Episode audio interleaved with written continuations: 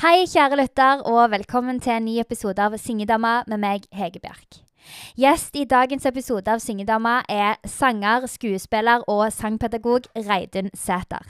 Reidun har så langt i karrieren sin opparbeida seg ei imponerende lang merittliste, bl.a. med mange ledende roller på musikalscenen. Hun har spilt korsett i Le Miserable på Akershus Teater, Jelly Lorm, Griddlebone i Cats på Chat Noir, Killer Queen i We Will Rock You på Folketeatret, Lady of the Lake i Spamalot på Folketeatret, Svetlana i Chesson Concert under sjakk-VM i Tromsø, Kristina i Kristina von Duvemolla på Lillestrøm kultursenter og operasangen Ka i Jungelboken på Chat Neuf, for å nevne noe.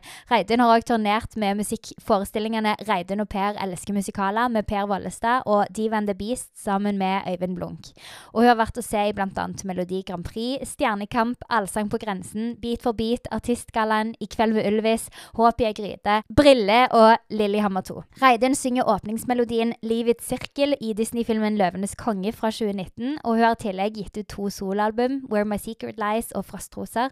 På sistnevnte så har hun bidratt som tekstforfatter, komponist og produsent. Reidun har utdannelse fra bl.a bl.a.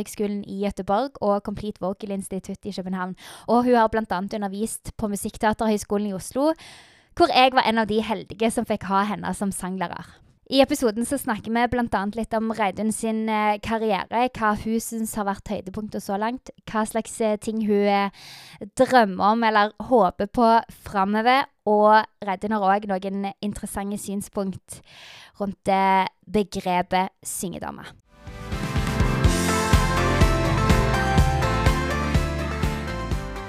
Yes. Da tar jeg opp. Okay. Ja.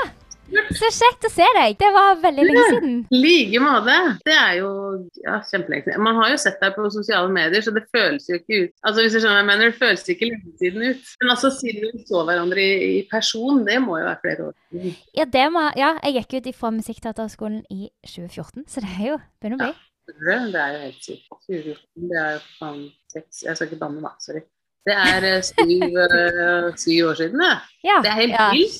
jeg. ja, tenk det. Jeg var jo, hadde jo 50% stilling der da, men uh, så liksom tok det litt fart på den utøvende delen av karrieren. Så da, da har jeg ikke egentlig undervist noe særlig siden da, egentlig. Savner litt å undervise, men uh, akkurat uh, men, men det liksom når det blir veldig mye Altså hvis man skal klare å kombinere begge deler, da, så blir det veldig stress. I hvert fall for meg som bodde i Jeg bor jo fortsatt i Sverige, jeg er på flyttefot nå, da. Så jeg skal komme til Norge. Men, ja.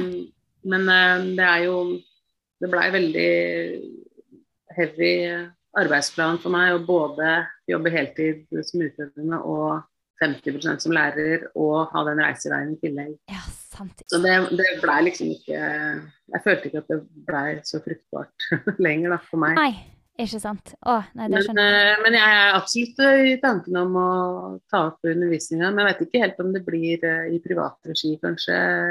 Eller vi får se. Ja. Må være, jeg må ha litt fleksibilitet enn så lenge. Hva med deg? Underviser du For du har vel gått CVT etter? Ja. Så du har vel eh, undervist en del du også nå? Ja, jeg gjør ikke det nå. Eh, nå har jeg liksom bestemt meg for å fokusere på Gå liksom all in for artistprosjektet. Det har vært sånn, det er skummelt, og så er det sånn Og iallfall i denne tida her. Men, men eh, Jeg skal ikke snakke så mye om det. Men, men liksom eh, Jo, det må du bare snakke om. Det er, kjempe, det er jo veldig interessant. Ja, Ja, det er jo det. Selv om en åh, en blir jo lei av at det er jo ofte det en snakker om for tida med alle denne her spesielle Ja. tida. Men, eh, men jo. Men jeg har eh, tenkt at det, åh, nei, det er Jeg kommer til å angre hvis jeg ikke satser på det. Jeg liksom prøver det sånn skikkelig. Så, så da har jeg lagt litt undervisning på is. Hvor gammel er du nå, da? Du, eller hvor langt i livet har du kommet? Nå er jeg 30. Nei, men det er helt strålende. Ja. Det, det var rundt da hvor jeg på en måte fikk mest eh, liksom, å gjøre. Ja. Rundt den alderen. Så jeg, det er helt naturlig, det. at man Liksom. Og det er ikke så dumt å tenke den derre all in. Nå går jeg all in, fordi da, da er du på en måte Ja, da, da får du jo et slags hyperfokus hvor du, du ikke får noe annet alternativ, på en måte. Så da må du litt mer Man pusher seg jo sjøl litt Ja. mer da. Så er det litt òg at det er, det er liksom det eneste jeg vil. Så da er det òg at en, hvis en da ikke prøver, så kommer en på et eller annet tidspunkt til å angre, tror jeg. Um, og ikke trives helt, liksom, hvis en ikke Ja, jeg tror også det at du Sånn som jeg ser på det, da. Jeg er jo ti år eldre enn deg. Um, og jeg var nok eh, liksom i samme sted som deg, altså i samme tankebaner som deg, at eh, jeg har ikke lyst til å gjøre noe annet. Altså, men, men, likevel så var det jo på en måte en litt sånn konfliktfylt eh, følelse rundt det. Fordi jeg som person er ikke egentlig en sånn typisk bransjeperson. Jeg er, ikke, jeg er ganske introvert, og jeg, ikke, jeg har ikke noen kjempestor tro på meg sjøl. Og jeg er ikke så bra på network.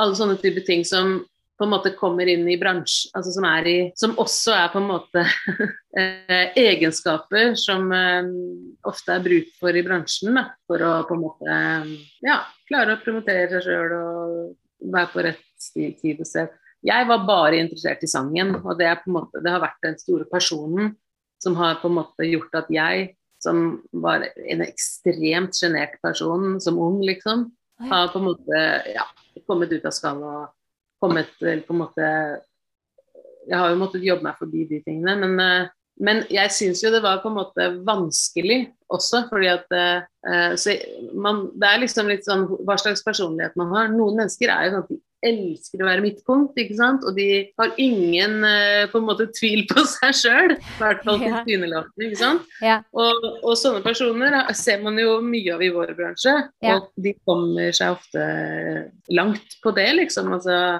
det er jo helt klart en tilgang, da. Ja, sant. Som frilanser, tenker jeg da. Ja, ja, men jeg kjenner litt på den at jeg liker jo ikke å være midt på Altså sånn Når en står på scenen, så er en jo Da er det jo kanskje det en skal være, og det er jo det Det er jo litt av poenget, kanskje, når en Hvis en er den eneste solisten på en sang, så er en jo naturligvis midtpunktet. Men sånn i andre settinger så liker jeg jo ikke så godt den der delen der. Med den type Jeg liker ikke oppmerksomhet i andre settinger, på en måte. Så akkurat det der er syns jeg kan være litt skummelt. Og det der med at det eh, er litt sånn jantelov tankegang òg. Ja, ja. Hvorfor skal jeg ja.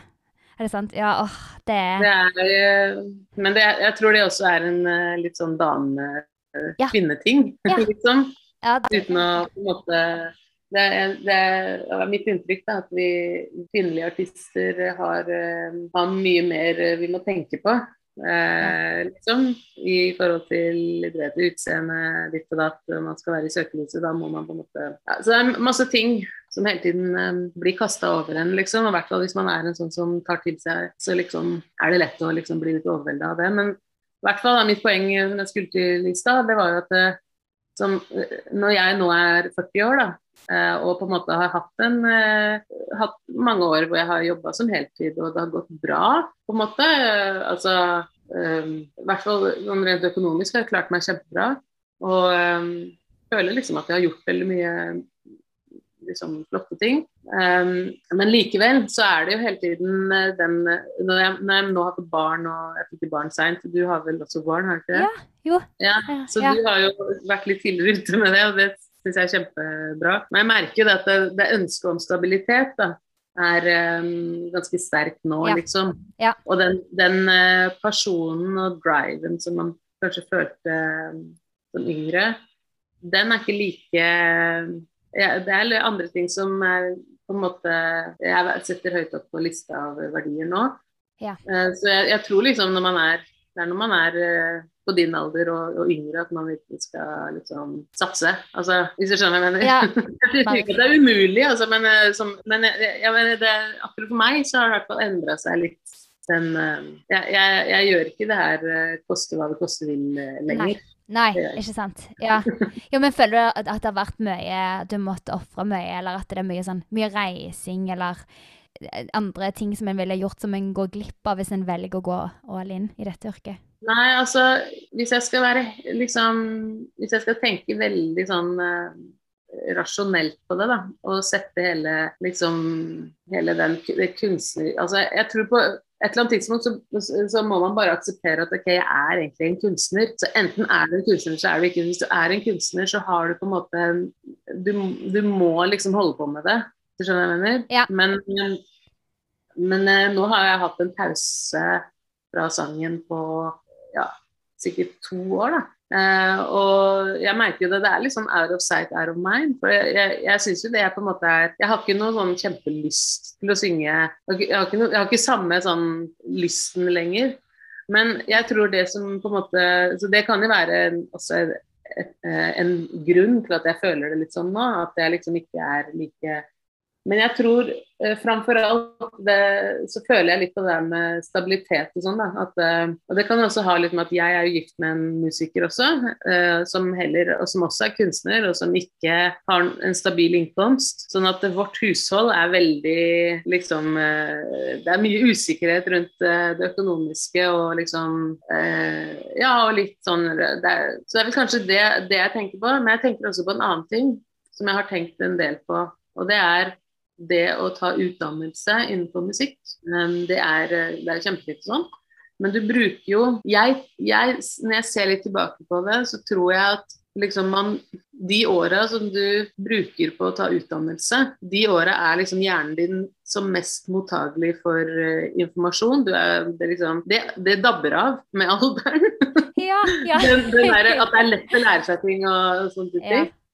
Um, sånn at Uh, man skal liksom tenke, det tenker man ikke på når man er ung, for da tenker man bare at liksom, å, jeg har lyst til å gjøre det, og man ser ting. og man liksom, Men når du da tar en utdannelse og satser helt bare på musikk, eller på teater eller liksom kunstneriske fag, um, så er dette liksom Da bruker du på en måte opp den kapasiteten på det, de åra. Sånn at hvis du uh, Og det er liksom det er ikke noe gærent i det, men jeg har tenkt sånn at jeg skulle ønske kanskje at jeg hadde hatt et bein til å stå på, eller at jeg hadde en, en, annen interesse også, som jeg på en måte kunne gjort mer parallelt. Og jeg veit ikke om det er realistisk, om det hadde gått. Men um, nå, jeg, nå, merker jeg at jeg interesserer meg for veldig mye andre ting. Og jeg uh, liksom, begynner å liksom se ok, hva er det jeg, som egentlig er viktig for meg. Det er jo sånne ting som man lærer seg i løpet av livet. Og en ting som jeg føler har på en måte Jeg har måttet ofre mye til fordel for å, å, jobbe med det jeg jobber med, det er um, liksom det sosiale, egentlig. Vennskap og sånne type ting som man liksom ikke har hatt noe kontinuitet i. Og det er også at frilanslivet selv om når du er i en produksjon, så er det jo kjempesosialt. Det vet man jo, vi som har jobba med teater. og Det, er, det fins ikke noe morsommere enn det. fordi da er man et team i et halvår, kanskje, ikke sant? og det er så gøy. Men det forsvinner jo, ikke sant. sånn at det, den kontinuiteten fins ikke der. Så når du da ikke jobber igjen, så er man på en måte veldig alene da, og ensom. Og hvis man da, hvis man da som jeg ikke er en Det er en sånn læreting jeg har gjort meg, at eh, jeg behøver å være i et mer fast miljø for å på en måte eh, Fordi jeg har et veldig jeg, har, jeg, ser nå at det som er på en måte det viktigste, spiller ikke egentlig så stor rolle hva man jobber med hvis du er i et uh, sosialt trivs, uh, miljø med trivsel. Ja. Um, eller et, et, bra arbeidsmiljø, da. Um, det er i hvert fall det som jeg føler gir trivsel. og det man tilegner seg kunnskap i løpet av livet, liksom. Og, og, og det er liksom ikke alle liksom, Det er alltid noe positivt og noe negativt med alt, liksom. Ja, ja, det er sant. Ja, Men hva tenker du nå, hvis du skulle hatt ett bein til å stå på, sånn, eller gjort noe annet i den tida der, når, eh, når, du studerte? Tenker du liksom innenfor musikk, eller bare sånn noe helt annet? Nei, altså det er vanskelig, fordi på, på den tiden så hadde jeg ikke lyst til å gjøre noe annet. Nei, sant, det, det var ikke noe annet jeg kunne tenke Nei. meg å gjøre. Det er først nå at jeg liksom har begynt liksom Når man har leter seg opp og plutselig får nye interesser og liksom Det her hadde vært kult. Så liksom jeg tror jeg hadde passa bra som om f.eks. å holde på med forskning. Det kan godt hende ja. at uh, det kan være sangforskning, ikke sant? men uh, jeg er veldig sånn, interessert av biologi og sånne type ting. Altså, og gjerne menneskelig Hva som får mennesket til å han, Hvorfor mennesker er som de er, da. Fordi jeg, det er ikke alltid at jeg forstår meg helt på folk. ikke sant? Jeg, jeg, jeg, det, det, her må jeg finne ut hvorfor. Hva er liksom, så har jeg vært, eh, man har jo vært mye innom psykologi sånn i, i vårt fag, men jeg har blitt veldig interessert av biologi da, og yeah. leser mye om det. Uh, og, altså, men jeg, jeg, tror liksom uansett Jeg tror ikke det er noe sosialt yrke heller. Skjønner du? Så jeg Nei, tror ikke nødvendigvis ja. det er en god idé å holde på med det. Og så er jeg litt sånn uh, Jeg har liksom en entreprenør i meg. Så jeg, jeg, tror, jeg, tror, realistisk sett, hvis jeg skulle gjort noe nå, så veit jeg ikke um, Det kan godt hende at det er sangundervisning, men det kan godt hende at jeg liksom også prøver å starte noe eget. Altså, jeg veit ikke. Eh, man får jo tenke liksom hvilke muligheter man har. Hva er det som er lettest å kombinere med det yrket du allerede har, og spille videre på de styrkene man har. ikke sant? Ja, Istedenfor å ta en helt ny utdannelse, liksom. Det vet jeg ikke om jeg orker. Nei, og det er også å kaste bort det du på en måte har erverva deg hittils i livet, liksom. Ja, sant. Ja, det er jo mye en kan gjøre, men tenker du at du skal tror du at du kommer til å gå en litt annen retning, liksom? Eller har du noen eh, planlagte prosjekter foran deg nå som du skal Mm, Innenfor, uh, Innenfor innenfor musikkbransjen. eller musikk? Ja. Ja, ja, nei, jeg har jo jobb, har jobb hele høsten, og jeg har noe, jeg har ikke noe klare planer for det, nei. Eh, Jeg har bare jeg tenker, Altså, det er jo litt sånn go with the flow. Du har Ja. jobb et halvår fram i tid, og så vet man ikke helt hva som skjer, og så har Ja. man Man har jo kanskje nok til å betale ut lønn til seg sjøl i, i firmaet i et, et år framover, kanskje etter det. Ja. Så det, liksom, det dukker jo alltid opp noe. Men det er jo fortsatt den kontinuerlige liksom, usikkerheten. ja. Og Ja. man må ha lys i magen. Det, og det har jeg tenkt på med vår bransje òg, at du, det, du kan egentlig ikke, sånn som det er i mange andre bransjer, at du, du klatrer på karrierestigen.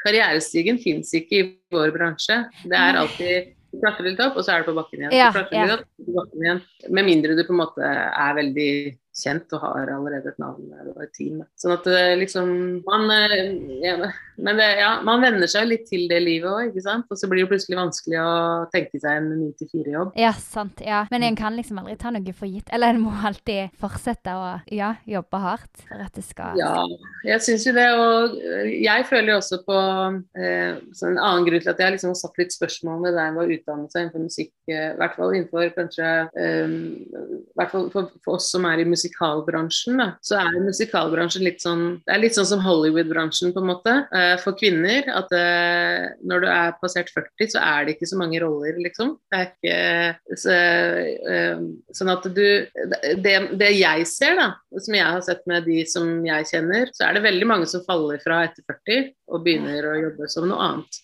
Eller eh, jobber mer deltid, liksom, og har et, et annet band å stå på.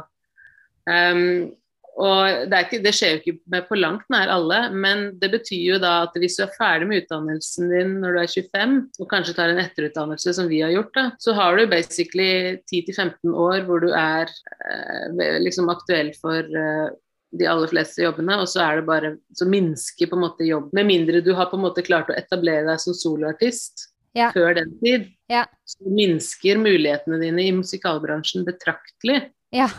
Ja. Med mindre du er ansatt ved et institusjonsteater. Eh, sånn at um, derfor Så, så det har, var jo min plan hele tiden. Altså rundt uh, Ja, fra, eh, fra Stjernekamp, fra jeg var med i Stjernekamp egentlig før det, og så tenkte jeg at jeg må bare prøve å etablere meg mer som soloartist Ja. for at det skal kunne være langsiktig. på en måte da. Jeg kan ikke bare fortsette å leve fra rolle til rolle. på en måte. Og Det har jo, det har jo gjort at jeg er mye mindre i musikalbransjen nå eh, og har mye mer solooppdrag. Så sånn sett så har det vært veldig bra. Jeg har tjent mesteparten av pengene mine utenfor musikalbransjen. ja. Eh, Selv om jeg syns kanskje det er veldig gøy å være i, å være i et ensemble. Det er jo kjempegøy. Men eh, jeg vet ikke, hva føler du, hva tenker du om det? Det er veldig interessant. Jeg har jo, gikk jo en annen retning etter musikkteater. Det var litt fordi at da jeg eh, gikk på mange auditioner og fikk veldig mange nei, sånn som en må være forberedt på å få, og sånn som de fleste sikkert får. Altså sånn, til å begynne med iallfall.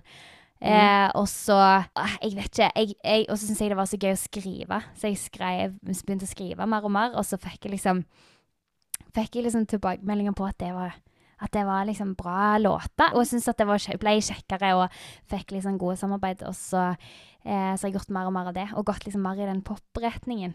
Så Ja. etter Ja, det er jo et, Altså, starta sånn, dette soloprosjektet i 2015, så har vi liksom jobba Det er meg og mannen min som driver det prosjektet, da. Hegebjerg-prosjektet.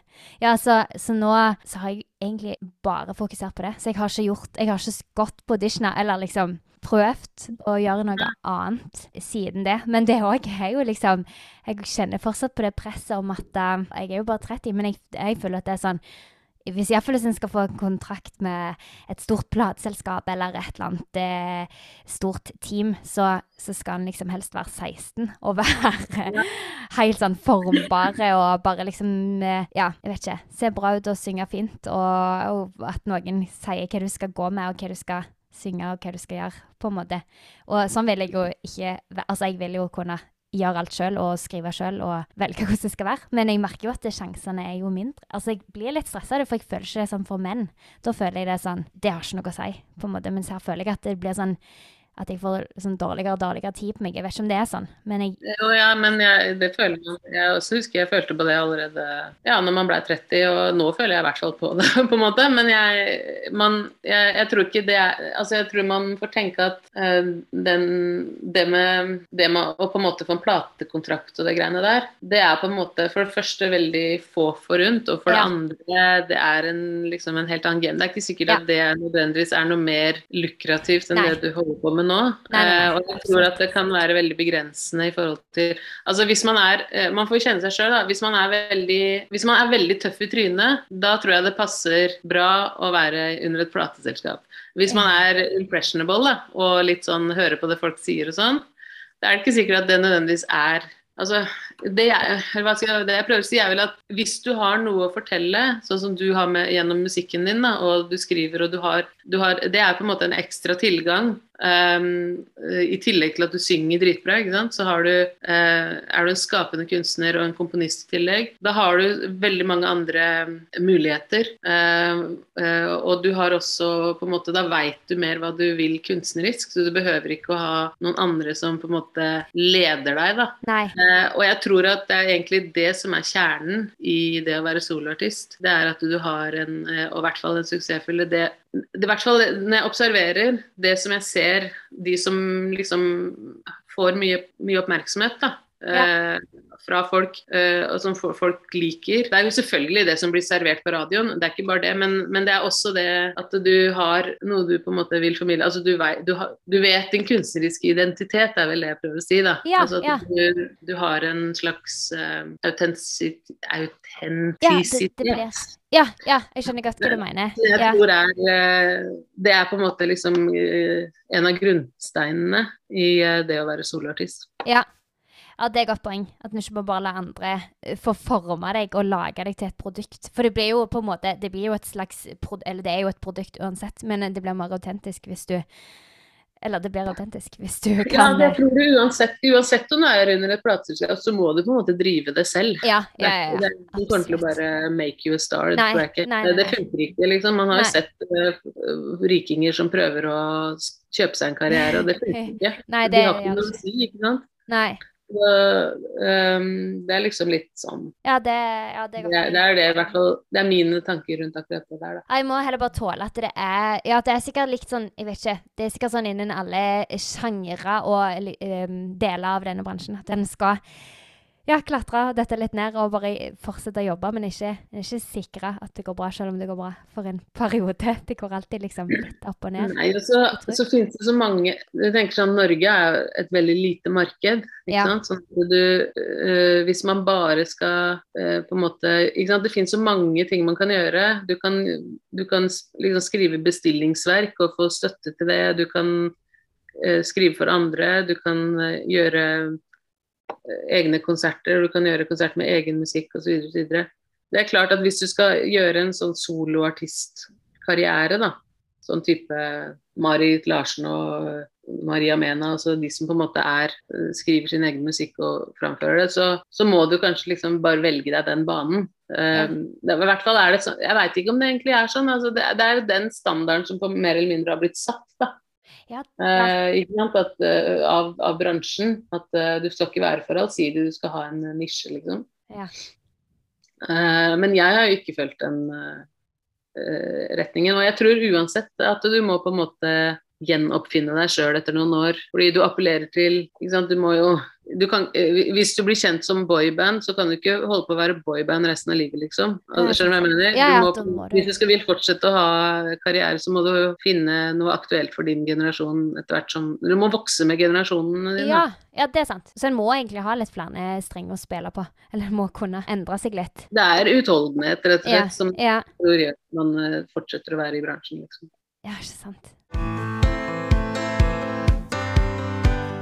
Jeg har en eh, fast spalte som heter Ti faste spørsmål. Mhm. Spørsmål nummer én. Hvorfor synger du? Ja, um, jeg synger fordi at jeg Ja, fordi jeg fra jeg var ganske ung, Altså, jeg snakker liksom sånn eh, fem år, egentlig. Jeg opplevde at jeg hadde en, liksom, en større forståelse for sang da, enn gjennomsnittet, og en person. Og jeg blei veldig berørt av musikk. Jeg gråt ofte av musikk, og liksom Altså på en bra, deilig måte, da, ikke sant. At det var Det ble en veldig betydningsfullt for meg, og, og det blei på en måte interessen jeg hadde. Og etter hvert som jeg på en måte ja, vokste opp, og, opp gjennom ungdomstida, så var det fortsatt sånn at jeg følte at jeg hadde jeg, jeg var veldig usikker på meg selv, men jeg følte likevel at innerst inne at jeg hadde et talent utover hva den normale eh, liksom eh, andre i min omgangskrets hadde, da. Ja. Så det var derfor jeg følte liksom at du vet, det blei veldig sånn person og en veldig interesse at man valgte å satse på det.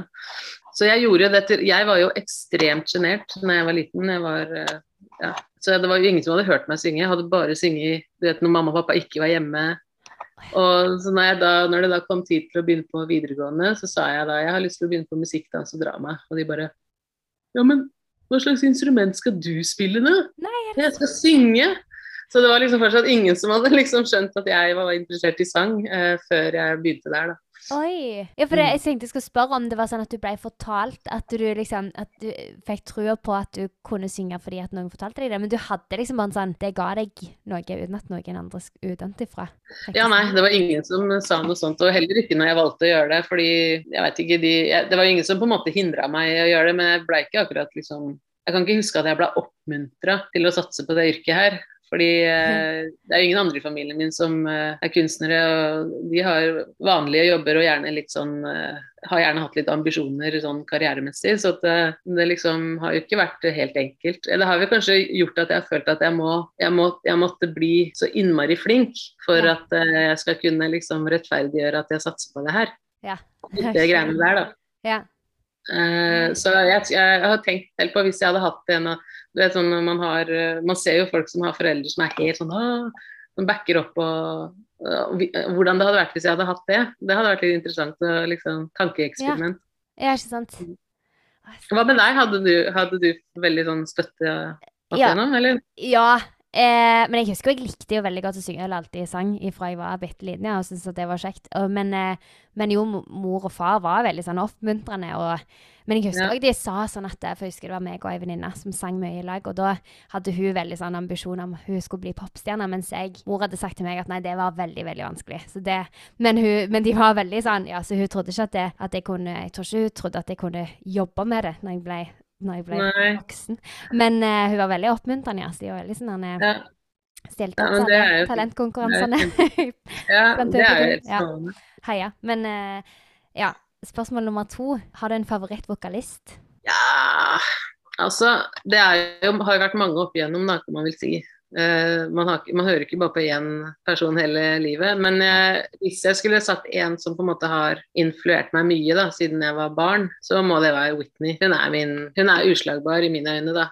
Ja. Um, og det er fordi at hun har på en måte en, den, den, Klangen hennes er veldig unik. Jeg har, jeg har, ikke hørt noen som har en sånn type klang siden hun på en måte levde. da. Og, um, og så hadde hun også sånn veldig sånn frihet og ja, sånn spontanitet liksom, i måten å synge på, som, uh, som jeg også syns man ikke hører i dag. Det er, det er, en sånn trend som ikke Eller nå er det veldig trendy å ha sånn litt sånn kontrollert sound, liksom. Uh, men så det savner jeg litt, liksom. Uh, det, man får vel si den unge Whitney da, som hadde det. Hun ja. ble jo på en måte litt skada av, av, livet sitt. Men ja, uh, men ja uh, jeg husker jeg hørte på det hver dag først før jeg, jeg, gikk på barneskolen. og hørte på Whitney hver dag jeg, på morgenen og når jeg kom hjem. og jeg, Det er ganske utrolig at ja, det er ganske utrolig at foreldrene mine ikke skjønte at jeg var opptatt av sang. Ja.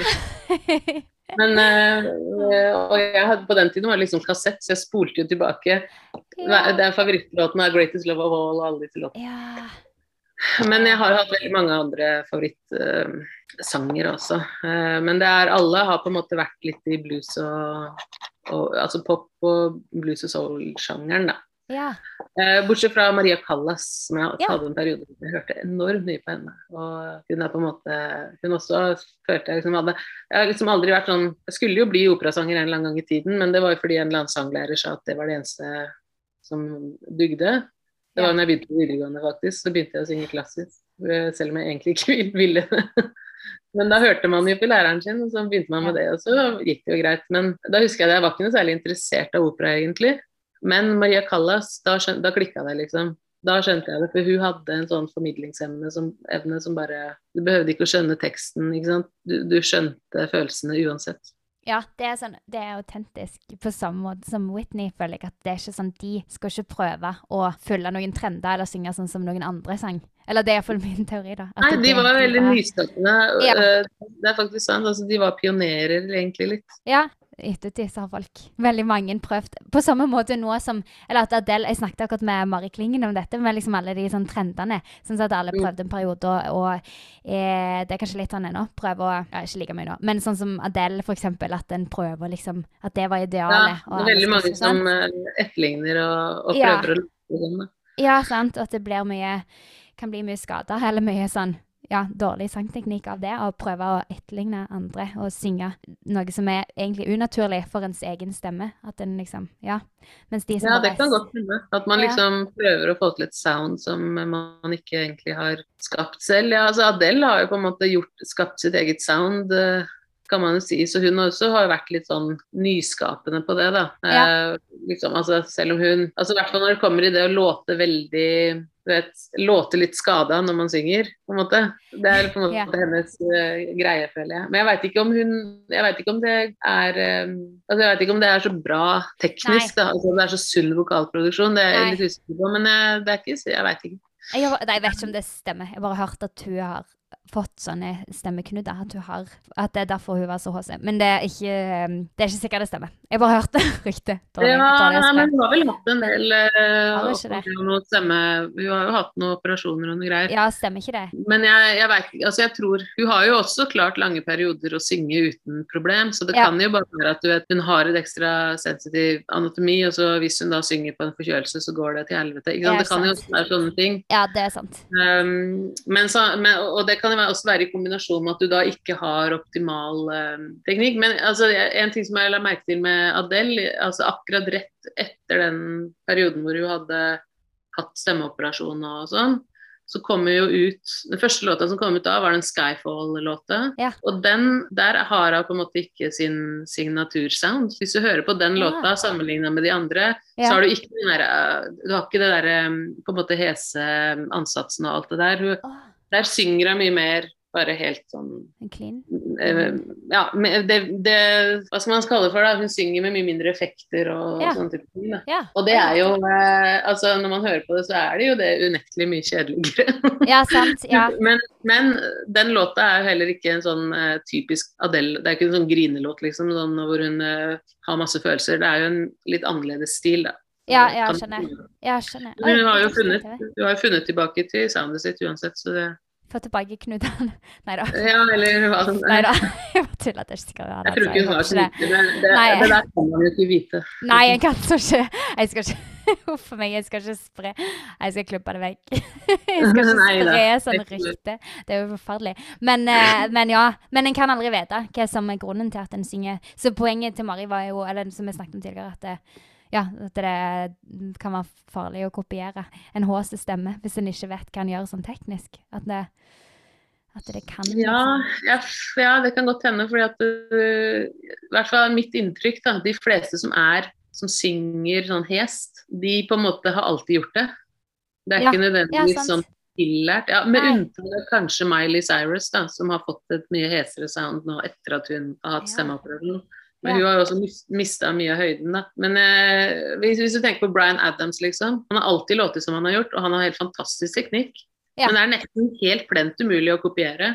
Jeg Ja, tror du må, du må bare Altså, det er ikke det at du ikke kan lære deg å låte hest, men eh, det er likevel en litt sånn Ja. det er så mange tanker rundt akkurat det greiene der, så Ja. jeg, Men jo, jeg har et, en observasjon som jeg har gjort i forhold til det der med å låte Det er jo på en måte en trend med Sia, Adele, det der at du skal ha den derre Det skal låte som du på en måte nesten griner mens du synger, ikke sant? Ja. Uh, jeg veit ikke om du har prøvd å snakke eller synge mens du griner, men det er jo veldig vanskelig, fordi Ja. det sender seg, ikke sant?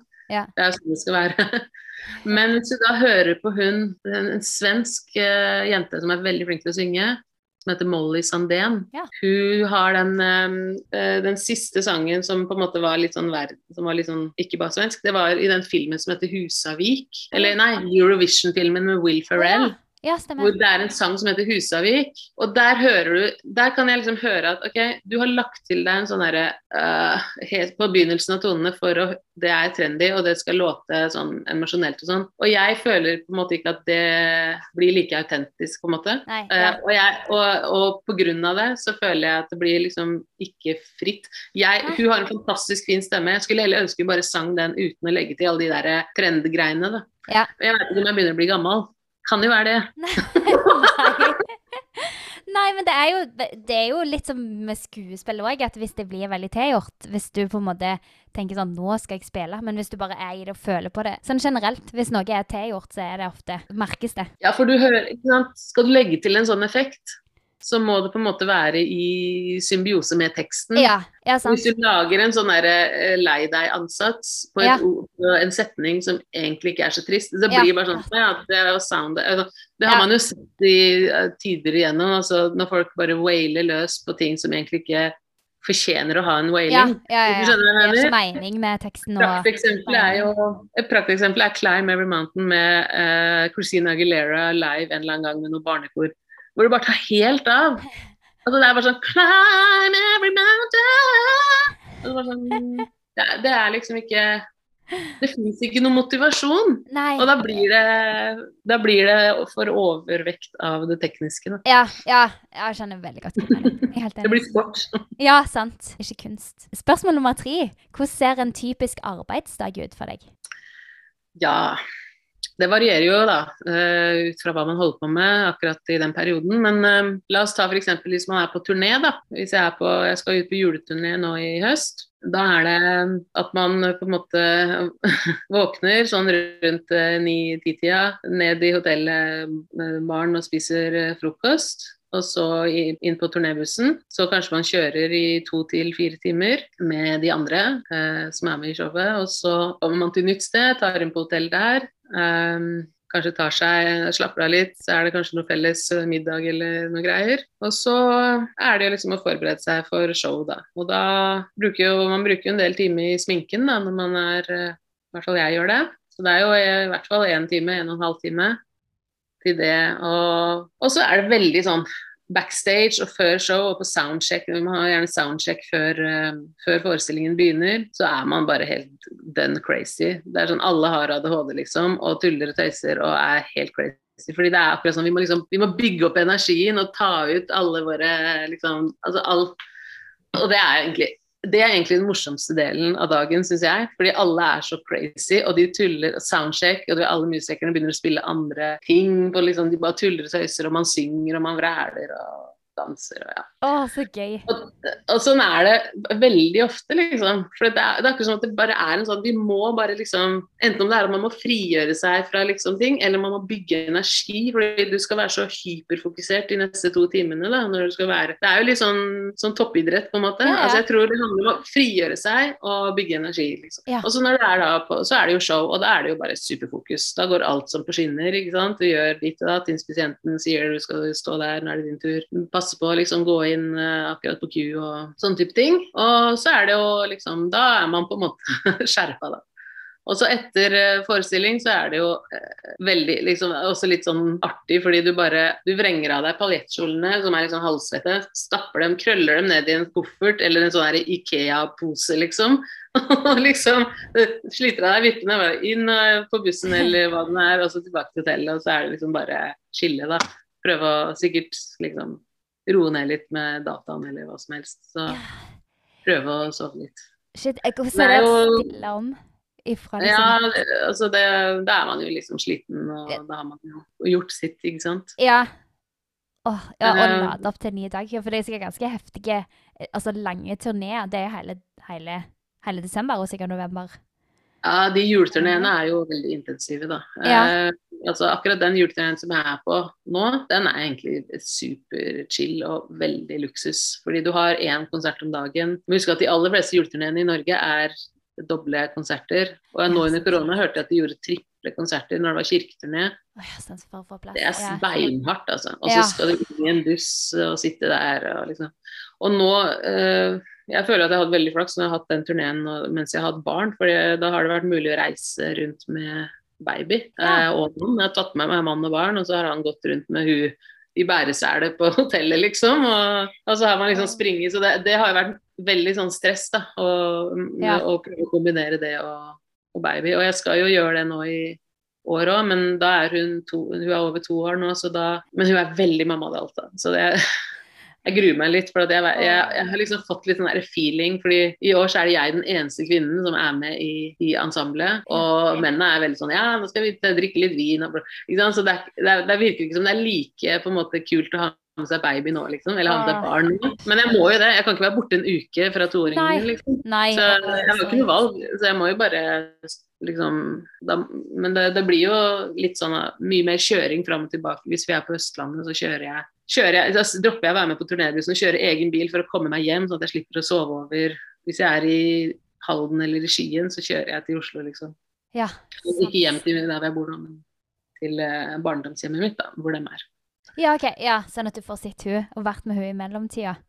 Ja. Og det forstår jeg godt. veldig mye logistikk, da, med, Ja. føler jeg, med det greiene der. Ja, det skjønner jeg. Åh, men det er jo eh, verdt å kjøre litt ekstra for å få litt mer tid med. Og det er så vondt å være lenge vekke. Ja, man får, jeg får dårlig samvittighet, liksom. Og jeg ammer Ja. jo fortsatt, og hun er veldig sånn Våkner mye på natta fortsatt, og det er bare mamma som duger, og da Ja. Det er jo altså det er jo eye-opener for meg, i hvert fall, etter at jeg fikk barn. Jeg trodde jo liksom at vi skulle kunne dele 50-50, jeg og mannen min, med alt ansvaret. Men det er jo veldig mye som faller på mor.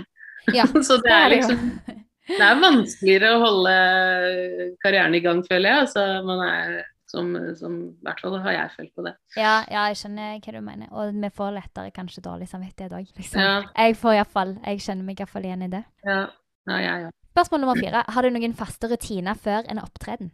Altså, jeg har vært veldig sånn eh, Jeg har vært veldig dårlig på sånn oppvarming og sånne ting. Jeg tror jeg må bli litt bedre nå, for jeg merker at nå er stemmen min helt ute av form. Og jeg, jeg har virkelig Jeg har alltid vært veldig heldig og hatt mye gratis. Så jeg har liksom bare aldri behøvd å gjøre så veldig mye sånn sangmessig. Men eh, jeg tror det må forandre seg nå. Nå merker jeg at jeg liksom havner ute av form. På en måte, Ja. Jeg kan, kan ikke synge det samme lenger. Og det rare er at det er, ja, det er mulig at det har med keisersnitt å gjøre. Jeg hadde keisersnitt. At jeg, har, eh, at jeg må rett og slett bygge opp bukmuskulaturen. Men jeg, jeg har problemer med eh, hodeklangen. Oh, ja. Og det har jeg liksom aldri hatt før. Men jeg har liksom hes hodeklang jeg nå plutselig. Oh, Så det er litt sånn mysterium. Og jeg er, litt sånn, jeg er faktisk inne i en litt sånn vanskelig periode sangmessig. Så jeg tror jeg må begynne å både øve mer og varme opp mer før sang og liksom varme opp. da. Um, men min, egentlig min faste rutine er å sminke meg. ja, ja, Og det, er liksom, det gjør jeg alltid. Jeg går aldri på scenen uten å på en måte føle meg sånn noenlunde. Um, drømmen er jo egentlig å kunne gjøre det, og bare være seg sjøl, Ja, sant. som mennene gjør. Men uh, det er liksom ikke like Det føles ikke ut som at det skulle bli like godt uh, mottatt. Nei, sant. Det er noe med det. Nei, man er uh, Ja, man er litt grooma av det samfunnet her, merker jeg. Ja, det Men, er sant. uh, ja. Nei, så det er egentlig det, bare det jeg gjør Ja. før opptreden. Mm. Spørsmål nummer fem. Har du noen tanker om sangteknikk? Ja, det har man jo masse av. ja. Eh, hva skal man si? Men har du noen konkrete Er det sånn at du sverger til en spesiell konkrete teknikk, eller eh, er det noen teknikker du mener er oppskrytt eller ikke funker, eller? Nei, altså jeg mener egentlig at eh, eh, Altså jeg er veldig interessert av sangteknikk, og jeg, har jo, jeg føler at jeg har mye kunnskap om det. Men jeg, jeg er en av dem som mener at man skal helst ikke altså du, du bruker, Man skal ikke gå og tenke noe særlig på teknikk når man opptrer.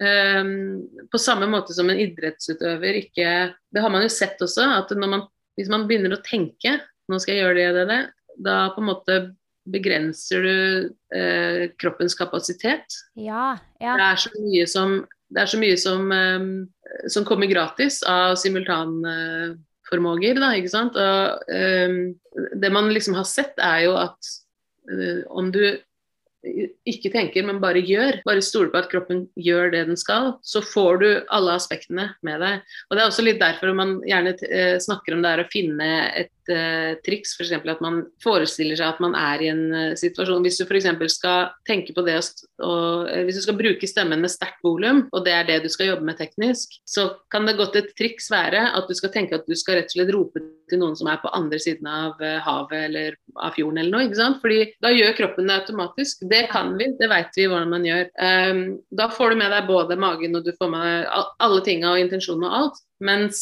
hvis du skal liksom begynne å tenke ok, det skal føles sånn ut der, og i magen skal gå inn du, du, stopper jo opp på en måte din egen flow, uh, ja. og du begrenser deg så at du vil faktisk få dårligere teknikk, da, hvis du skjønner hva jeg mener. Ja, ja, ja. det er et veldig vanlig fenomen, føler jeg, når man fokuserer mye på ting. Så, så eh, trikset er jo at eh, liksom, og det man ofte anbefaler, er jo at man fokuserer på én ting. Hvis du skal fokusere på twang, liksom, så fokuserer du på det i en øvingssituasjon, og bare fokuserer på det. Ja. Og så, eh, til det har på en måte satt seg litt i muskelminnet, og så slipper du det, for da har du det på en måte gratis. Og så gjelder det da å observere. Begynner jeg å gå tilbake til mine gamle uvaner nå? Eh, og da er jo det Da må man jo liksom jobbe med det, ikke sant. Ja. Eh, men jeg Altså med unntak av selvfølgelig Man tenker jo litt hvis man, har, hvis man, kommer til den ene høye tonen, så tenker man jo ok, nå må jeg være på den vokalen her for å få det til. Ja. Men, men eh, jeg føler altså det er veldig lett at man liksom henger I hvert fall som ung, ung sanger, da. Hvis man, uh, når man først introduseres for teknikk, så avhenger det også veldig av hvor du havner. Fordi det er på en måte et såpass omstridt sangfaget er fortsatt veldig omstridt i, i, forhold til hva som er sunn og usunn vokalproduksjon, og hva som er bra og dårlig, og mye har med smaken til sanglæreren, rett og slett. Ja, ja. man skal på en måte mm, jeg, jeg føler at man skal liksom ta Det er jo litt å ta det som funker eh, for deg, og være litt kritisk til alt det du får servert. og så teknikk skal være til hjelp, det skal ikke være til en begrensning. Du skal ikke begynne å tvile på deg eller, eller føle at du må kunne alt. Eller, liksom, det, jeg opplever ofte det. Særlig de som begynner med CVT, uh, eh, føler jeg ofte liksom, kommer til et sånt punkt hvor de bare ja, men det er jo alt jeg gjør feil, da. Liksom, da må jeg Å nei, det her var ikke bra nok. Det var ikke, det var ikke helt i senter. Så lenge det funker, så spiller det ikke noen rolle. Det er nei. ikke det som er det viktigste. Du bruker det bare når du behøver det. Ja, når, det er, eh, liksom, når det er en spesiell ting som du liksom står fast på, eller ja. Og så også selvfølgelig så har jo sånn, Ja, hva skal man si? Jeg er jo egentlig et bra eksempel på det. Jeg ville synge Whitney Houston-musikk, men jeg ble pressa inn i en operagreie fordi det var noen ja. som fortalte meg at det er det eneste som er bra nok. Ja. Og så holdt jeg jo på med det, men jeg gadd jo ikke øve noe særlig på det. Så når jeg da søkte meg inn på Musikkhøgskolen, så kom jeg ikke inn på opera. Men så havna jeg jo rett til slutt. Men det var jo en, ble jo en omvei for meg noen år. Ved, selv om jeg har masse nytte av den klassiske teknikken, og det har hatt mye nytte av i karrieren min. Så det er ikke sikkert at det nødvendigvis var negativt. Men det, hvis, hvis, jeg skulle vært i popbransjen, da, noe som jeg, jeg egentlig er glad jeg aldri liksom havna inn på det greiene der, men da, da, da, på en måte hadde det gått Da hadde det vært bedre om jeg bare liksom gikk den veien med en gang. Og fant ja, ja, ja. en sanglærer som, som, hadde, som hadde mer liksom, greie på det. da. Ja, ikke sant. Men det var nok eh, vanligere før. Nå er det jo mange sanglærere som har Nå er det mye mer vanlig å ha rytmisk kompetanse, liksom. At ja. det tilbys på høyskoler også. Ja. ja. før var det jo bare klassisk. Mm. Eller det var i hvert fall da jeg gikk på musikklinja. Alle var klassisk. Ja, ja det er, men det er jo fortsatt det. Det er jo den klassiske ja. skolen som dominerer uh, utdanningsinstitusjonene og også forskningen. Da. Dessverre. Så det er jo man, ja, litt bevisstgjøring rundt det. Men ja. uh, jeg har jo jobba mye med CVT og vært veldig tilhenger av det, på en måte. Jeg syns ikke det er en perfekt uh, på alle plan. Det er jo på en måte utforma som et uh, veldig brukervennlig liksom produkt. og det er utforma for å på en måte tiltrekke seg så mange folk som mulig på en måte. Det er jo en ja. salgsvare, det òg. Ja, det er sant, det. Men, men, det er en det er vel det jeg har Jeg anbefaler CVT til veldig mange, fordi jeg føler at det er det som er kanskje det mest komplette som jeg har støtt på i karrieren min, av, av eh, å forklare på en måte det som skjer anatomisk, da. Ja, sant. Og det er veldig enkelt å forstå, på en måte. Enkle verktøy. Ja. Men ja, men en skal ikke bli for opphengt i teknikken. Eh, ja, nei, altså det får vel gå i perioder. Men det er, det er i hvert fall, man skal i hvert fall bare Det gjelder å holde seg liksom i Ja. Man får alltid ha et litt sånn kritisk eh, tankegang, eller sånn ja. tenking, føler jeg. Fordi man, som ung så er man veldig ofte sånn prisgitt sanglæreren sin, og det syns jeg på en måte er Det er en av de første tingene jeg sier til alle som jeg underviser, det er at det jeg sier, jeg spiller egentlig ikke så stor rolle. Fordi at det er, eh, det er, din smak som gjelder. Spørsmål nummer seks. Har du en favorittmikrofon? Nei, det har jeg ikke. Det er en evig søken og frustrasjon å finne. Ja. har du en favorittmikrofon? Nei, det kommer veldig an på eh, hvem skal og om en skal i studio eller, i, eller synge live. Men jeg føler ofte Sennheiser-mikrofonene er liksom gode live. Ja. Nei, altså jeg tror det aller viktigste er lydteknikeren. Ja, eh, absolutt. Men um, ja, det er en som har greie på sang, og det er det ikke så mange som har, om jeg skal være helt ærlig. Nei. Men i hvert fall ikke den type sang som er kvinnelig belting, på en måte. det, er ikke, det er ikke kjempemange av de som har mye erfaring i Norge, føler jeg, uten å kaste skygge på noen. Men det er i hvert fall min erfaring. Men eh, jeg har jo Jeg hadde en periode hvor jeg liksom Jeg har alltid følt at når jeg har spilt med, særlig i studiosammenheng, så har det liksom Det låter ikke som min stemme det, lå, det, blir liksom fargelagt på en måte som at det her er ikke sånn jeg låter akustisk. er det ikke mulig å få stemmen min til å låte som den låter, på en måte? Så jeg har vært på søken og prøvd. Da har jeg liksom hadde jeg, husker jeg hadde som sånn uh, misjon å finne en veldig transparent mic. Og da kjøpte jeg en dritdyr mic som heter Browner VMA, som er den er, ja, den er kjempebra mic. Og så kjøpte jeg også et lydkort som også var veldig transparent, og som liksom ikke fargelegger noe særlig. Da. Eh, og brukte den, men da oppdaga jeg jo eh, at det blei jo veldig kjedelig. ikke sant? Så jeg, eh, så jeg, gjorde meg den erfaringen. Og så tenkte jeg også at Eller det jeg også følte på, var at det, var så, det er vanskelig å synge pent, fordi det var så mye detaljer som ble fanga opp. At hver eneste minste flå ble på en måte veldig synlig da. Så jeg er litt på utkikk etter en ny mic. Jeg får alltid liksom kasta etter meg eh, den eh, U87-en som eh, Streisand og Whitney og alle disse bruker. Yeah. Men jeg syns ikke den Den syns jeg blir for spiss, på en måte. Den funker på visse låter. Så ja, nei, jeg er fortsatt på søken, jeg, ja, altså. Jeg er ikke helt kommet i mål der. Hvis jeg har med meg en egen, så har jeg jo Den jeg har, er KSM9. Det er vel en Shure som faktisk er er Jeg lurer på om den er kondensator Jeg husker ikke. Det var en jeg fikk tips om. Uh, det her er ikke et område som jeg interesserer meg veldig for. Jeg vil bare ha noe ja, ja, jeg skjønner. uh, men også den de facto. Uh, den pleier jeg å få veldig ofte av de Ja, på den juleturneen blant annet, så er det den. Okay. Den er også veldig fin. Ok, Spørsmål nummer sju. Hva drømmer du om? Oh, det er så vanskelig spørsmål. ja, det er det. Eh, jeg vet ikke, jeg har alltid følt sånn der, å drømme bilde av noen som drømmer, da ser jeg på meg sånn Åh, jeg drømmer om seg sånn fordi i hvert fall min erfaring er Jeg har jo på en måte oppnådd noen av de tingene som jeg kanskje drømte om i, når jeg var yngre. Ja. Det har vært med i Grand Prix, jeg har gjort store hovedroller, ting som er drømmer. Men når man opplever det, så skjønner man jo at det fins alltid en bakside av drømmen. Ikke sant? Det ja. finnes alltid Drømmen er ikke sånn som man tror den er. Du kan jo godt si at man drømte om å være sanger når man var liten. Ja. Men uh, det er jo Jeg føler veldig ofte at det er bare Selve yrket, så er det jo bare en brøkdel som er selve sangen. Det er sant. Det å stå eh, på scenen og synge. Ja, det er, ja og hvis man drømte om å uh, bli sett, da, som jeg mistenker kanskje veldig mange gjør, at de, ja. de har ønsket å bli sett, så, så, kommer det også med en pris. fordi at ja. du, Det kommer jo med veldig mye liksom, prestasjonskrav og sånne type ting, som uh, er på en måte en slags bakdel. Da. Um, så jeg føler på en måte det å si Jeg føler meg liksom så naiv når man skal snakke om drømmer. Men derimot håp. Håp er en, et sånt uttrykk som jeg liksom bruker, og som jeg føler er helt nødt til å ha i livet for å på en måte liksom ha noen slags form for livslyst. Ja. Og uh, ting jeg håper på, kan jeg heller snakke om da. Og det er uh, Jeg håper at jeg liksom får en musikalrolle igjen. Det er liksom noe jeg har lyst til å gjøre. Jeg håper at jeg kan være med i Grand Prix igjen.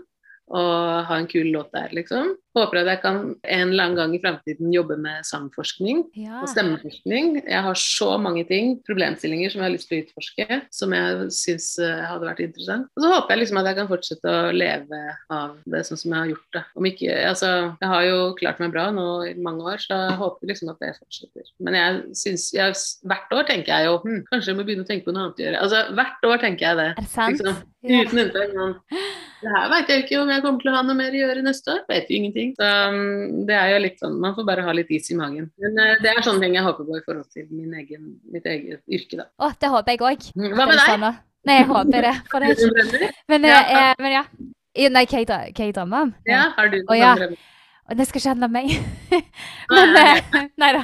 Nei, men eh, ja. Det føles så teit å ha sånn at jeg bare sånn Nei, det er jo om deg.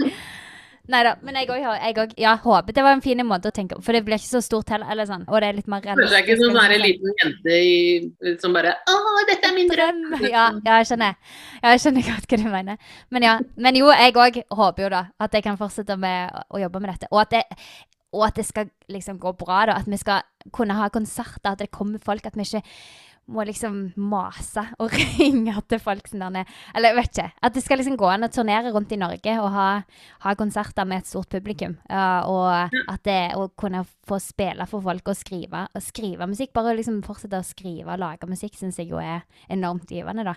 Så det har jeg jo lyst til å gjøre. Og så skrive med og for andre òg. Det har jeg gjort litt av nå i Ja. det siste. Det òg er veldig kjekt. Så ja. Men ja, men dette skal ikke meg. Jeg håper også det for deg, da. Ja, så kjekt. Takk. Jeg holder drømmen din. Ja, det er bra. Takk. Spørsmål nummer åtte. Hvis du måtte velge et helt annet yrke, hva ville det vært? Eh, ja, det var jo da Forskning. forskning, forskning og kanskje entreprenør, men jeg tror framfor alt eh, å ha, det, ha et sosialt eh, arbeidsmiljø. Ja. Det er det viktige. Det spiller egentlig ikke så stor rolle. Husker en av de morsomste jobbene jeg hadde, det var når jeg jobba på Skjell. Og da jobba vi Ja. alltid to og to, og vi var to ungdommer som sto og jobba da jeg var liten. og det var kjempegøy. En av de morsomste jobbene jeg har hatt. Fordi vi hadde det gøy på jobb. Med å selge pølser, og så tulla vi med hverandre. Og så, ja, du vet. Ja, Så gøy. Ja, men det er sant. Det er det viktigste. Spørsmål nummer ni. Har du et godt råd til andre som har lyst til å bli sanger eller artist? Ja, jeg skrev faktisk ned litt stikkord på det.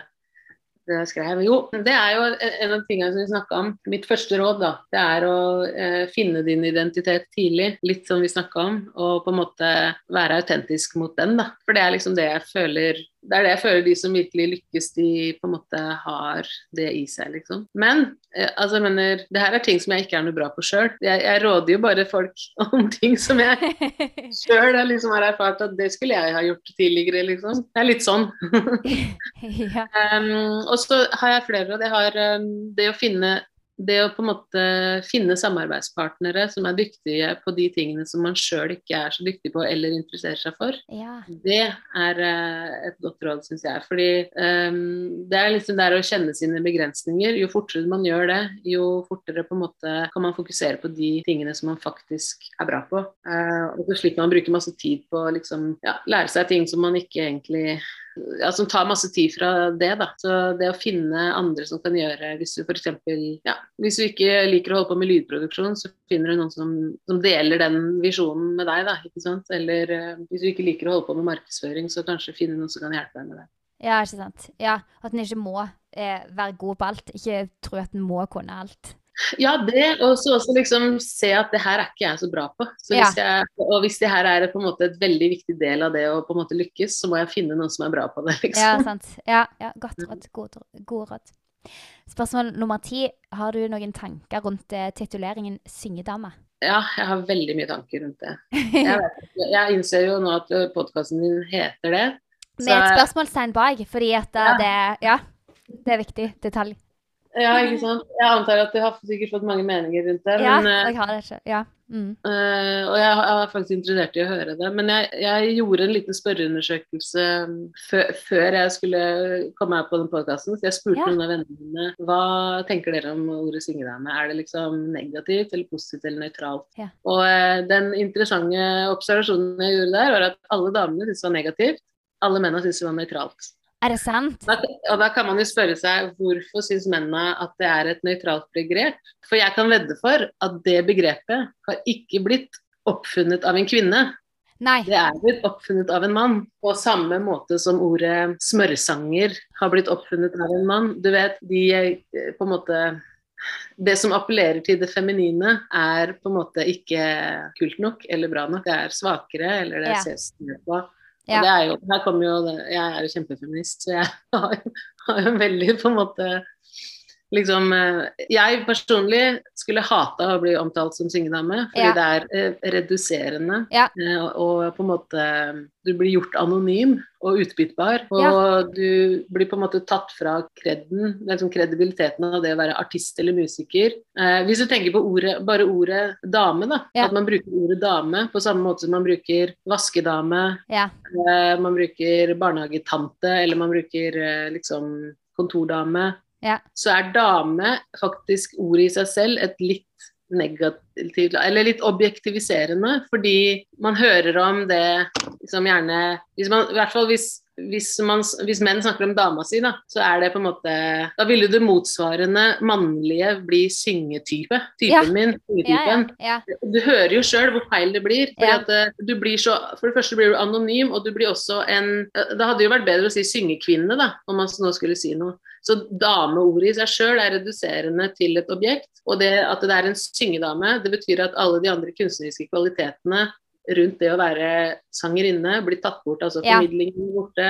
Alle de andre tingene blir borte. ikke sant? Eh, og sånn så tror jeg altså at det, det er ikke egentlig en klar definisjon. Jeg prøvde å google litt på det. At det er liksom Noen syns at det er fordi at du Og det er også det som har blitt brukt i i min sammenheng, Når jeg har fått høre begrepet syngedame, så er det ofte at f.eks. for eksempel jeg har hatt et management som har sagt ja, men vi vil jo ikke at du skal bli en bare en syngedame, så du må på en måte ha eget materiale. Du må ha eget skrivet, Hvis ikke så blir du bare en sånn som synger andres musikk. altså vil si Du har ikke noe substansielt å komme med. Noe som, for, for, noe som jeg syns er veldig på en måte reduserende for veldig mange artister som synger andre menneskers og tolker andre menneskers låter. da. Ja. Det blir jo som å si at Whitney, hun, hun heller hadde ikke, skrev ikke sine egne sanger, liksom. Nei. Og da tror jeg det finnes sikkert folk som kaller Whitney og Céline Dion og de for syngedamer, eh, fordi eh, det på en måte Det er de som liksom synger, synger så mye og synger så bra, og det er liksom det er utprega det sanglige, da. Ja. Eh, men men man, jeg syns likevel det er reduserende.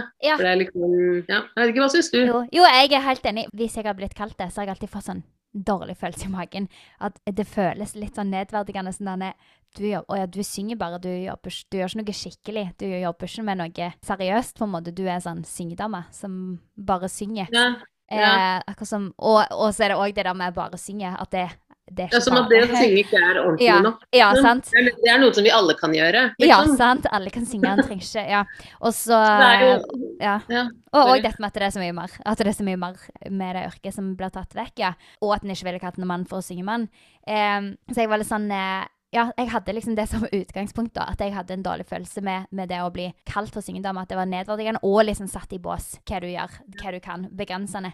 Så var det veldig interessant å høre. Eh, for det er så mange ulike meninger. Noen er liksom helt sånn Syns at det er helt greit å bli kalt det, og tenker at folk mener det ikke er vondt. Og det tenker jeg òg at hvis noen sier det til meg, så er det jo sikkert ikke vondt meint, men jeg syns at det, jeg vil ikke bli kalt det. Nei, jeg leste en eh, Jeg leste et eller annet sted, jeg husker ikke hva det var, men jeg leste om at det har forandra seg, akkurat begrepet syngedame forandra seg gjennom generasjonene, hvor syngedame på liksom 70-tallet og 60-tallet, det var mer en sånn type revyartist. Ja. Eh, Du vet sånn Her har vi moromenn og syngedamer, liksom, på revyen. Men Mm. eh, på 80-tallet så fikk det en negativ klang. Eh, Hvor det ble eh, liksom kjønnsdiskriminerende. Sikkert fordi at eh, feminismen blomstra opp, eller hva som helst. Så, eh, men jeg, så, jeg, så det kommer sikkert litt an på hvilken generasjon du er i, og hvilket kjønn du er, tror jeg. Ja, Ja. si. Eh, men det blir jo litt som at hvis du, hvis du sier f.eks. en idrettsutøver, da. Hvis du skulle kalt en kvinnelig idrettsutøver for idrettsdame, Ja. det klinger jo helt feil. Du har jo redusert det mennesket da, på en måte. Altså, vet, det er veldig mange nyanser, som gråtoner, som man ikke kanskje klarer helt å definere for hva man assosierer med ordet, og hvordan man tar bort selve tittelen, og tar bort eh, eh, liksom det, den kreden som tittelen som musiker, da hvor du på en måte har musiker, et stort fag.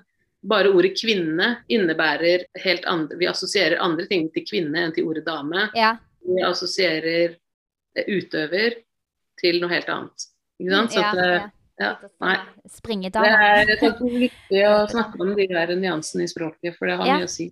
Ja, det er helt sant. Og jeg har alltid tenkt sånn, hatt litt sånn, nesten litt sånn yrkeskompleks, eh, fordi at, både fordi jeg har følt sånn, å, det er lang vei igjen før jeg, på en måte, der jeg, der jeg vil være, på en måte, men også eh, at jeg har følt sånn lenge på at, å, jeg burde gjøre noe skikkelig. At jeg har hatt en sånn stemme, en noen som sitter på skulderen og sier liksom, det er ikke bra nok det du gjør. Og det tror jeg har litt med det å gjøre, at det ofte blir, der er litt sånn fordommer, eller litt sånne tanker ute og går da, om at hvis du er kvinnelig sanger, så er du, ja, da er du syngedame. Det er det det. Eneste du kan er Ja, men der har du jo en av de aspektene av bransjen da, som, du, som kommer i tillegg til Altså som, som veier negativt. Man blir litt lei av det, ikke sant. Ja. Så, um, eh, jeg husker en gang jeg sto på Jeg var understudy for Grisabella i Cats. Og um, så var hun som var hovedrollen Hun blei syk, eller hun som hadde rollen. Hun blei syk den dagen. Det var midt i svineinfluensaen, så jeg hoppa inn og gjorde den. Og da var tilfeldigvis en lurer på om det var kollega av faren hennes, eller om det var en, en bekjent av henne som var og så på. Selvfølgelig sånn er en mann i 50 pluss. Og, og det første han sa til meg da etter han kom i backstage, sa han ja, jeg så jo at det ikke kunne være Liv Eirin, for hun har ikke så store pupper som deg. Nei. Du vet, Og det var ingenting om at Det jeg liksom, jeg, jeg husker, Det er en ting at jeg husker liksom, jeg husker liksom, som jeg da på den tiden ikke klarte å da liksom bare lo man det bort og bare ha-ha-ha. Hadde det skjedd i dag? Ja. Jeg, hadde, jeg hadde satt han så på plass. Ja. Uh, men uh, Så det er jo på en måte Men du vet, altså, liksom, man føler jo ofte på det. Jeg husker også en andre ting som på en måte man har merka, som f.eks. hvis man Jeg var jo lenge med i et sånt partyband da jeg var eh, ja, på din alder, egentlig. Um, hvor jeg plutselig, de, jeg plutselig fikk høre at musikerne i bandet fikk 1000 kroner mer i honorar enn vi som sang. Ja, sant. Åh, det Det, er det var på en måte slutten på min fremtid i den. Og, Ja. det, etter det så har jeg demonstrativt, hvis jeg noen gang har hatt med meg korister eller um, andre sangere på mine konserter som jeg har betalt, så har jeg demonstrativt gitt de 1000 kroner mer. Er det sant? de Så kult. For, jeg vet ikke, jeg bare sånn hevn, liksom. Ja.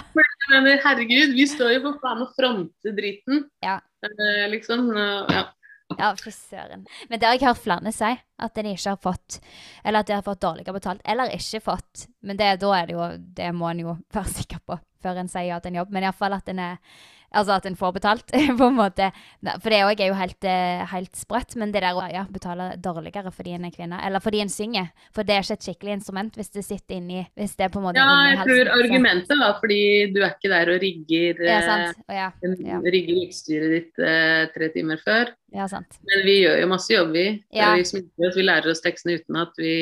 Det er jo tid vi bruker. Ja, ja, ja. Ja, absolutt. Ok, eh, vi kan gå videre til neste spalten, som heter Dilemma, eller ti kjappe spørsmål, som er bare sånn, bare svar det som faller deg inn. Mhm. Hva velger du? Nå vet vi jo svaret på første. Whitney eller Beyoncé? Ja, nei, det er ikke noe tvil. Det er Whitney. Ja. Piano eller gitar? Eh, jeg er piano. Jeg liker piano.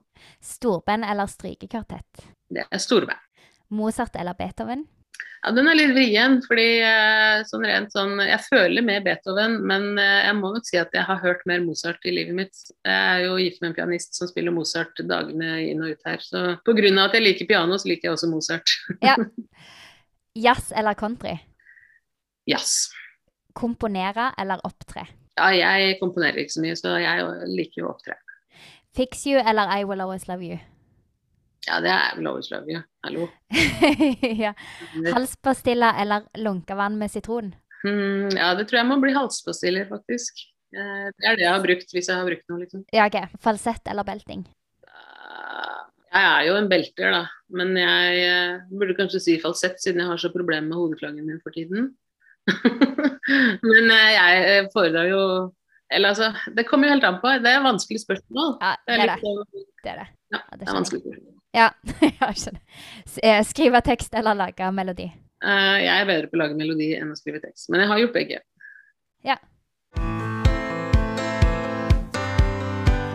Eh, din karriere, hva har vært det høydepunktet så langt? Hva har liksom vært det kjekkeste av det du har gjort så langt? Mm, ja, hva skal jeg si?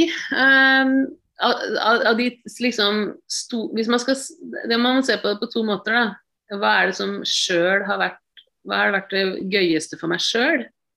Så har, var det når jeg var med i Spamalot. Ja, Um, det gjorde Lady of the Lake. Det er en av de morsomste jobbene jeg har hatt. Og så har jeg også, du vet sånne type Når man har gjort sånne amatør... Liksom det har vært kanskje amatørkor, og så har man blitt leid inn som den profesjonelle, ikke sant. Og det har vært at man f.eks. har satt opp en eller annen konsert eller noe. Eller vi, eksempel gjorde vi eksempel skal vi gjøre det nå på Lillestrøm. Vi skal gjøre en sånn konsert med musikk av Bjørn og Benny, altså både Chess og Duvemåla og ABBA. da. Ja. Hvor vi har leid inn fire profesjonelle. Og så er det et veldig dyktig amatørkor og et veldig dyktig amatørsymfoniorkester. Som, eh, under ledelse av Anders Elias. Da. Det morsomste med å gjøre sånne ting, er at du har den derre spillegleden. Den, blir så påtagelig. Altså du, det, det er noe helt annet enn om man jobber eh, Om man gjør en konsert i egen regi eller man er i en profesjonell sammenheng. Fordi den, det sosiale blir mye mer eh, i senter, og det blir så utrolig sånn gledefylt. Og man blir inspirert, da. Jeg blir veldig inspirert. Så det, de gangene har faktisk vært noen av de fineste jobbene jeg har gjort, eh, og de mest givende. Det er mye mindre liksom jantelov, da, kan du si, i de jobbene. Eh, men av, av sånne ting i karrieren som på en måte har vært eh, liksom, ja, sånn som man har fått mest oppmerksomhet for, så er det jo da de hovedrollene som jeg har gjort, og Grand Prix og Stjernekamp og noen av de showene som man har gjort i ettertid, kanskje.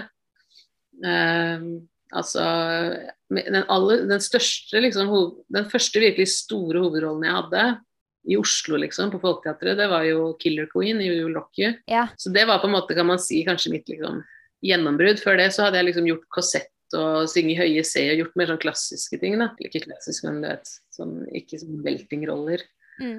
Um, og den fikk jeg, veldig, jeg fikk veldig gode kritikker, og det var liksom helt strålende. Og det samme med Spamalot, som var en stor rolle. eh, veldig godt mottatt. Og, og også en slags, det var en slags drømmerolle for meg, for den, var liksom, den hadde på en måte alt. Den, den hadde alt som jeg føler at det er mine sterke sider. Ja, det var så Um, kult. Jeg var der, eller jeg så den forestillingen. Det var så kult. Og det var så imponerende. Ja, det er fortsatt folk som snakker om den. eh, Ja, det var jeg kommer på dubbing bare «Hå, Var det du som gjorde den spamlåten? Ja. Så det er en sånn, jeg merker at det er liksom sånne ting som i hvert fall bransjefolk har øh, liksom latt seg på minne. Og så er det jo da Stjernekamp var jo en, en ting som jeg var med i som jeg fikk veldig mye oppmerksomhet rundt. Ja. Og som eh, på en måte løfta karrieren min eh, noen hakk i forhold til synlighet og oppdrag og sånne type ting. da. Ja.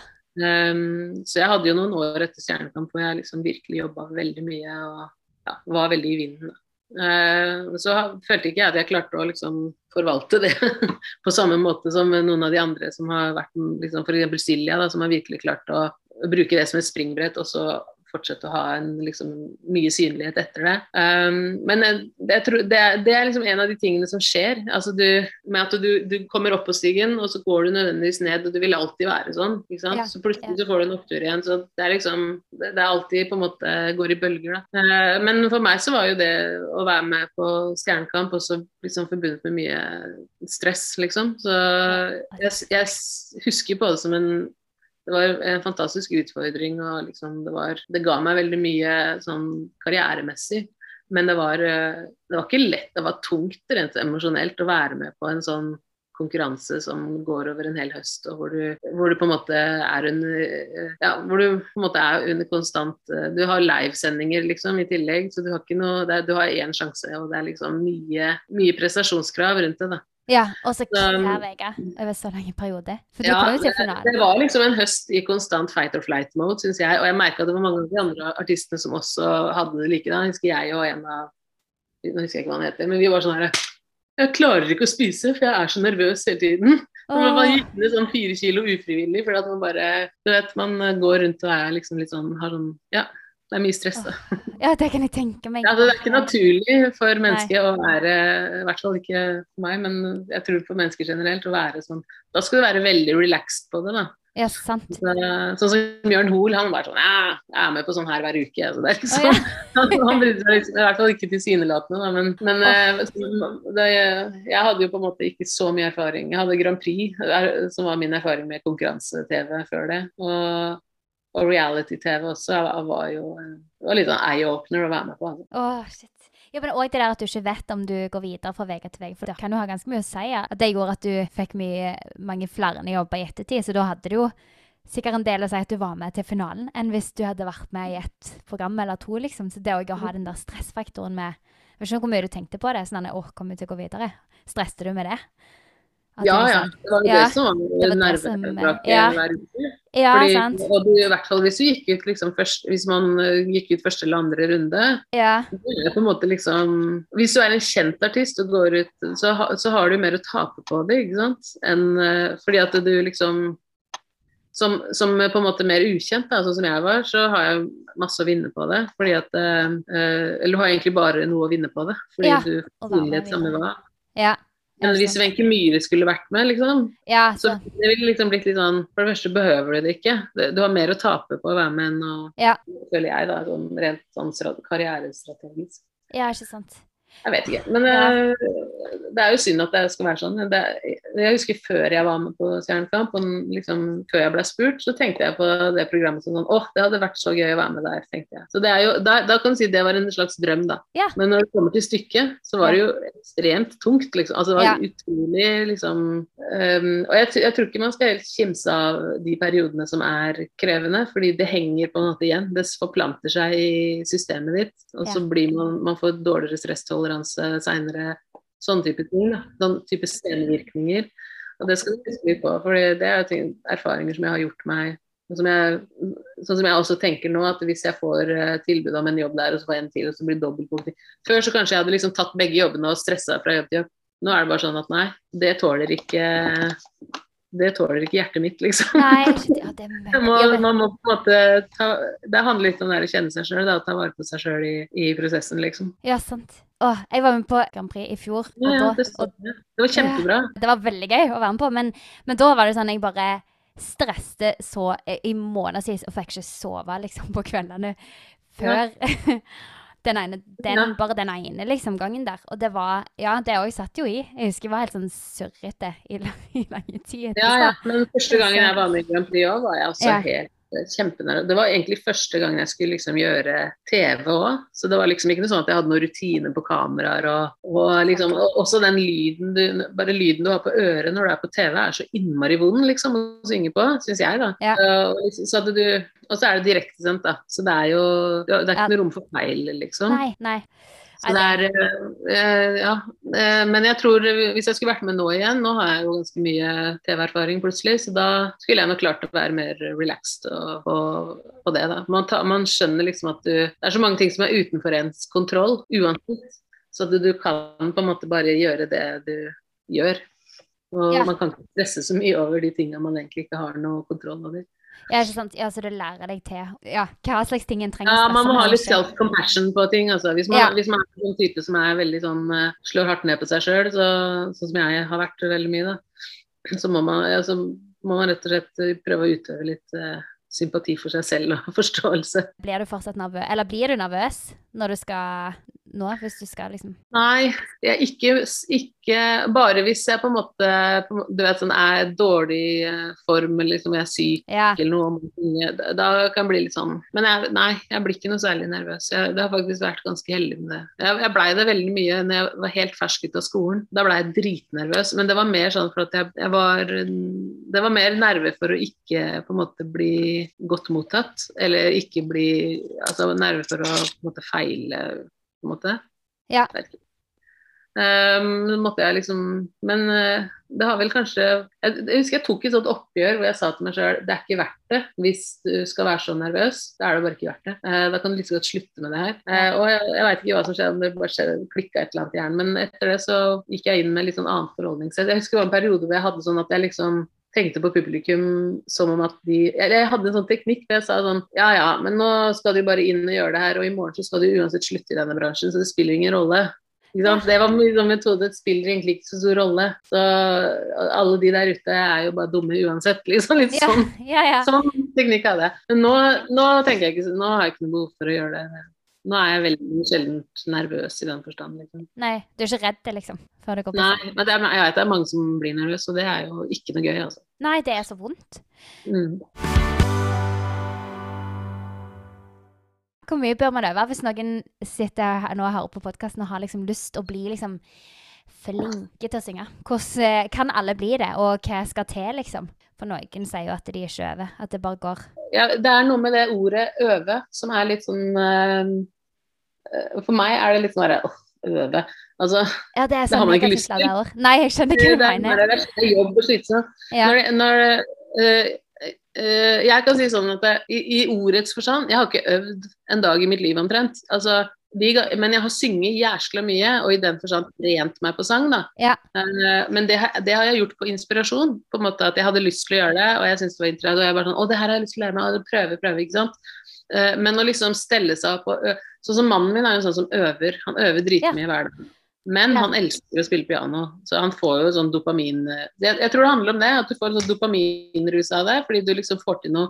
Men hvis øvinga blir forbinda med at man ikke At man skal liksom Man får det ikke helt til, eller at det blir veldig sånn slitsomt, da anbefaler jeg ikke folk å øve. Jeg anbefaler folk å bare synge eh, så mye som mulig på de tinga man har lyst til å synge på. Ja. På inspirasjon og glede. Sangglede, liksom. Eh, Det er min erfaring, da. Eh, Det er sånn jeg funker som person.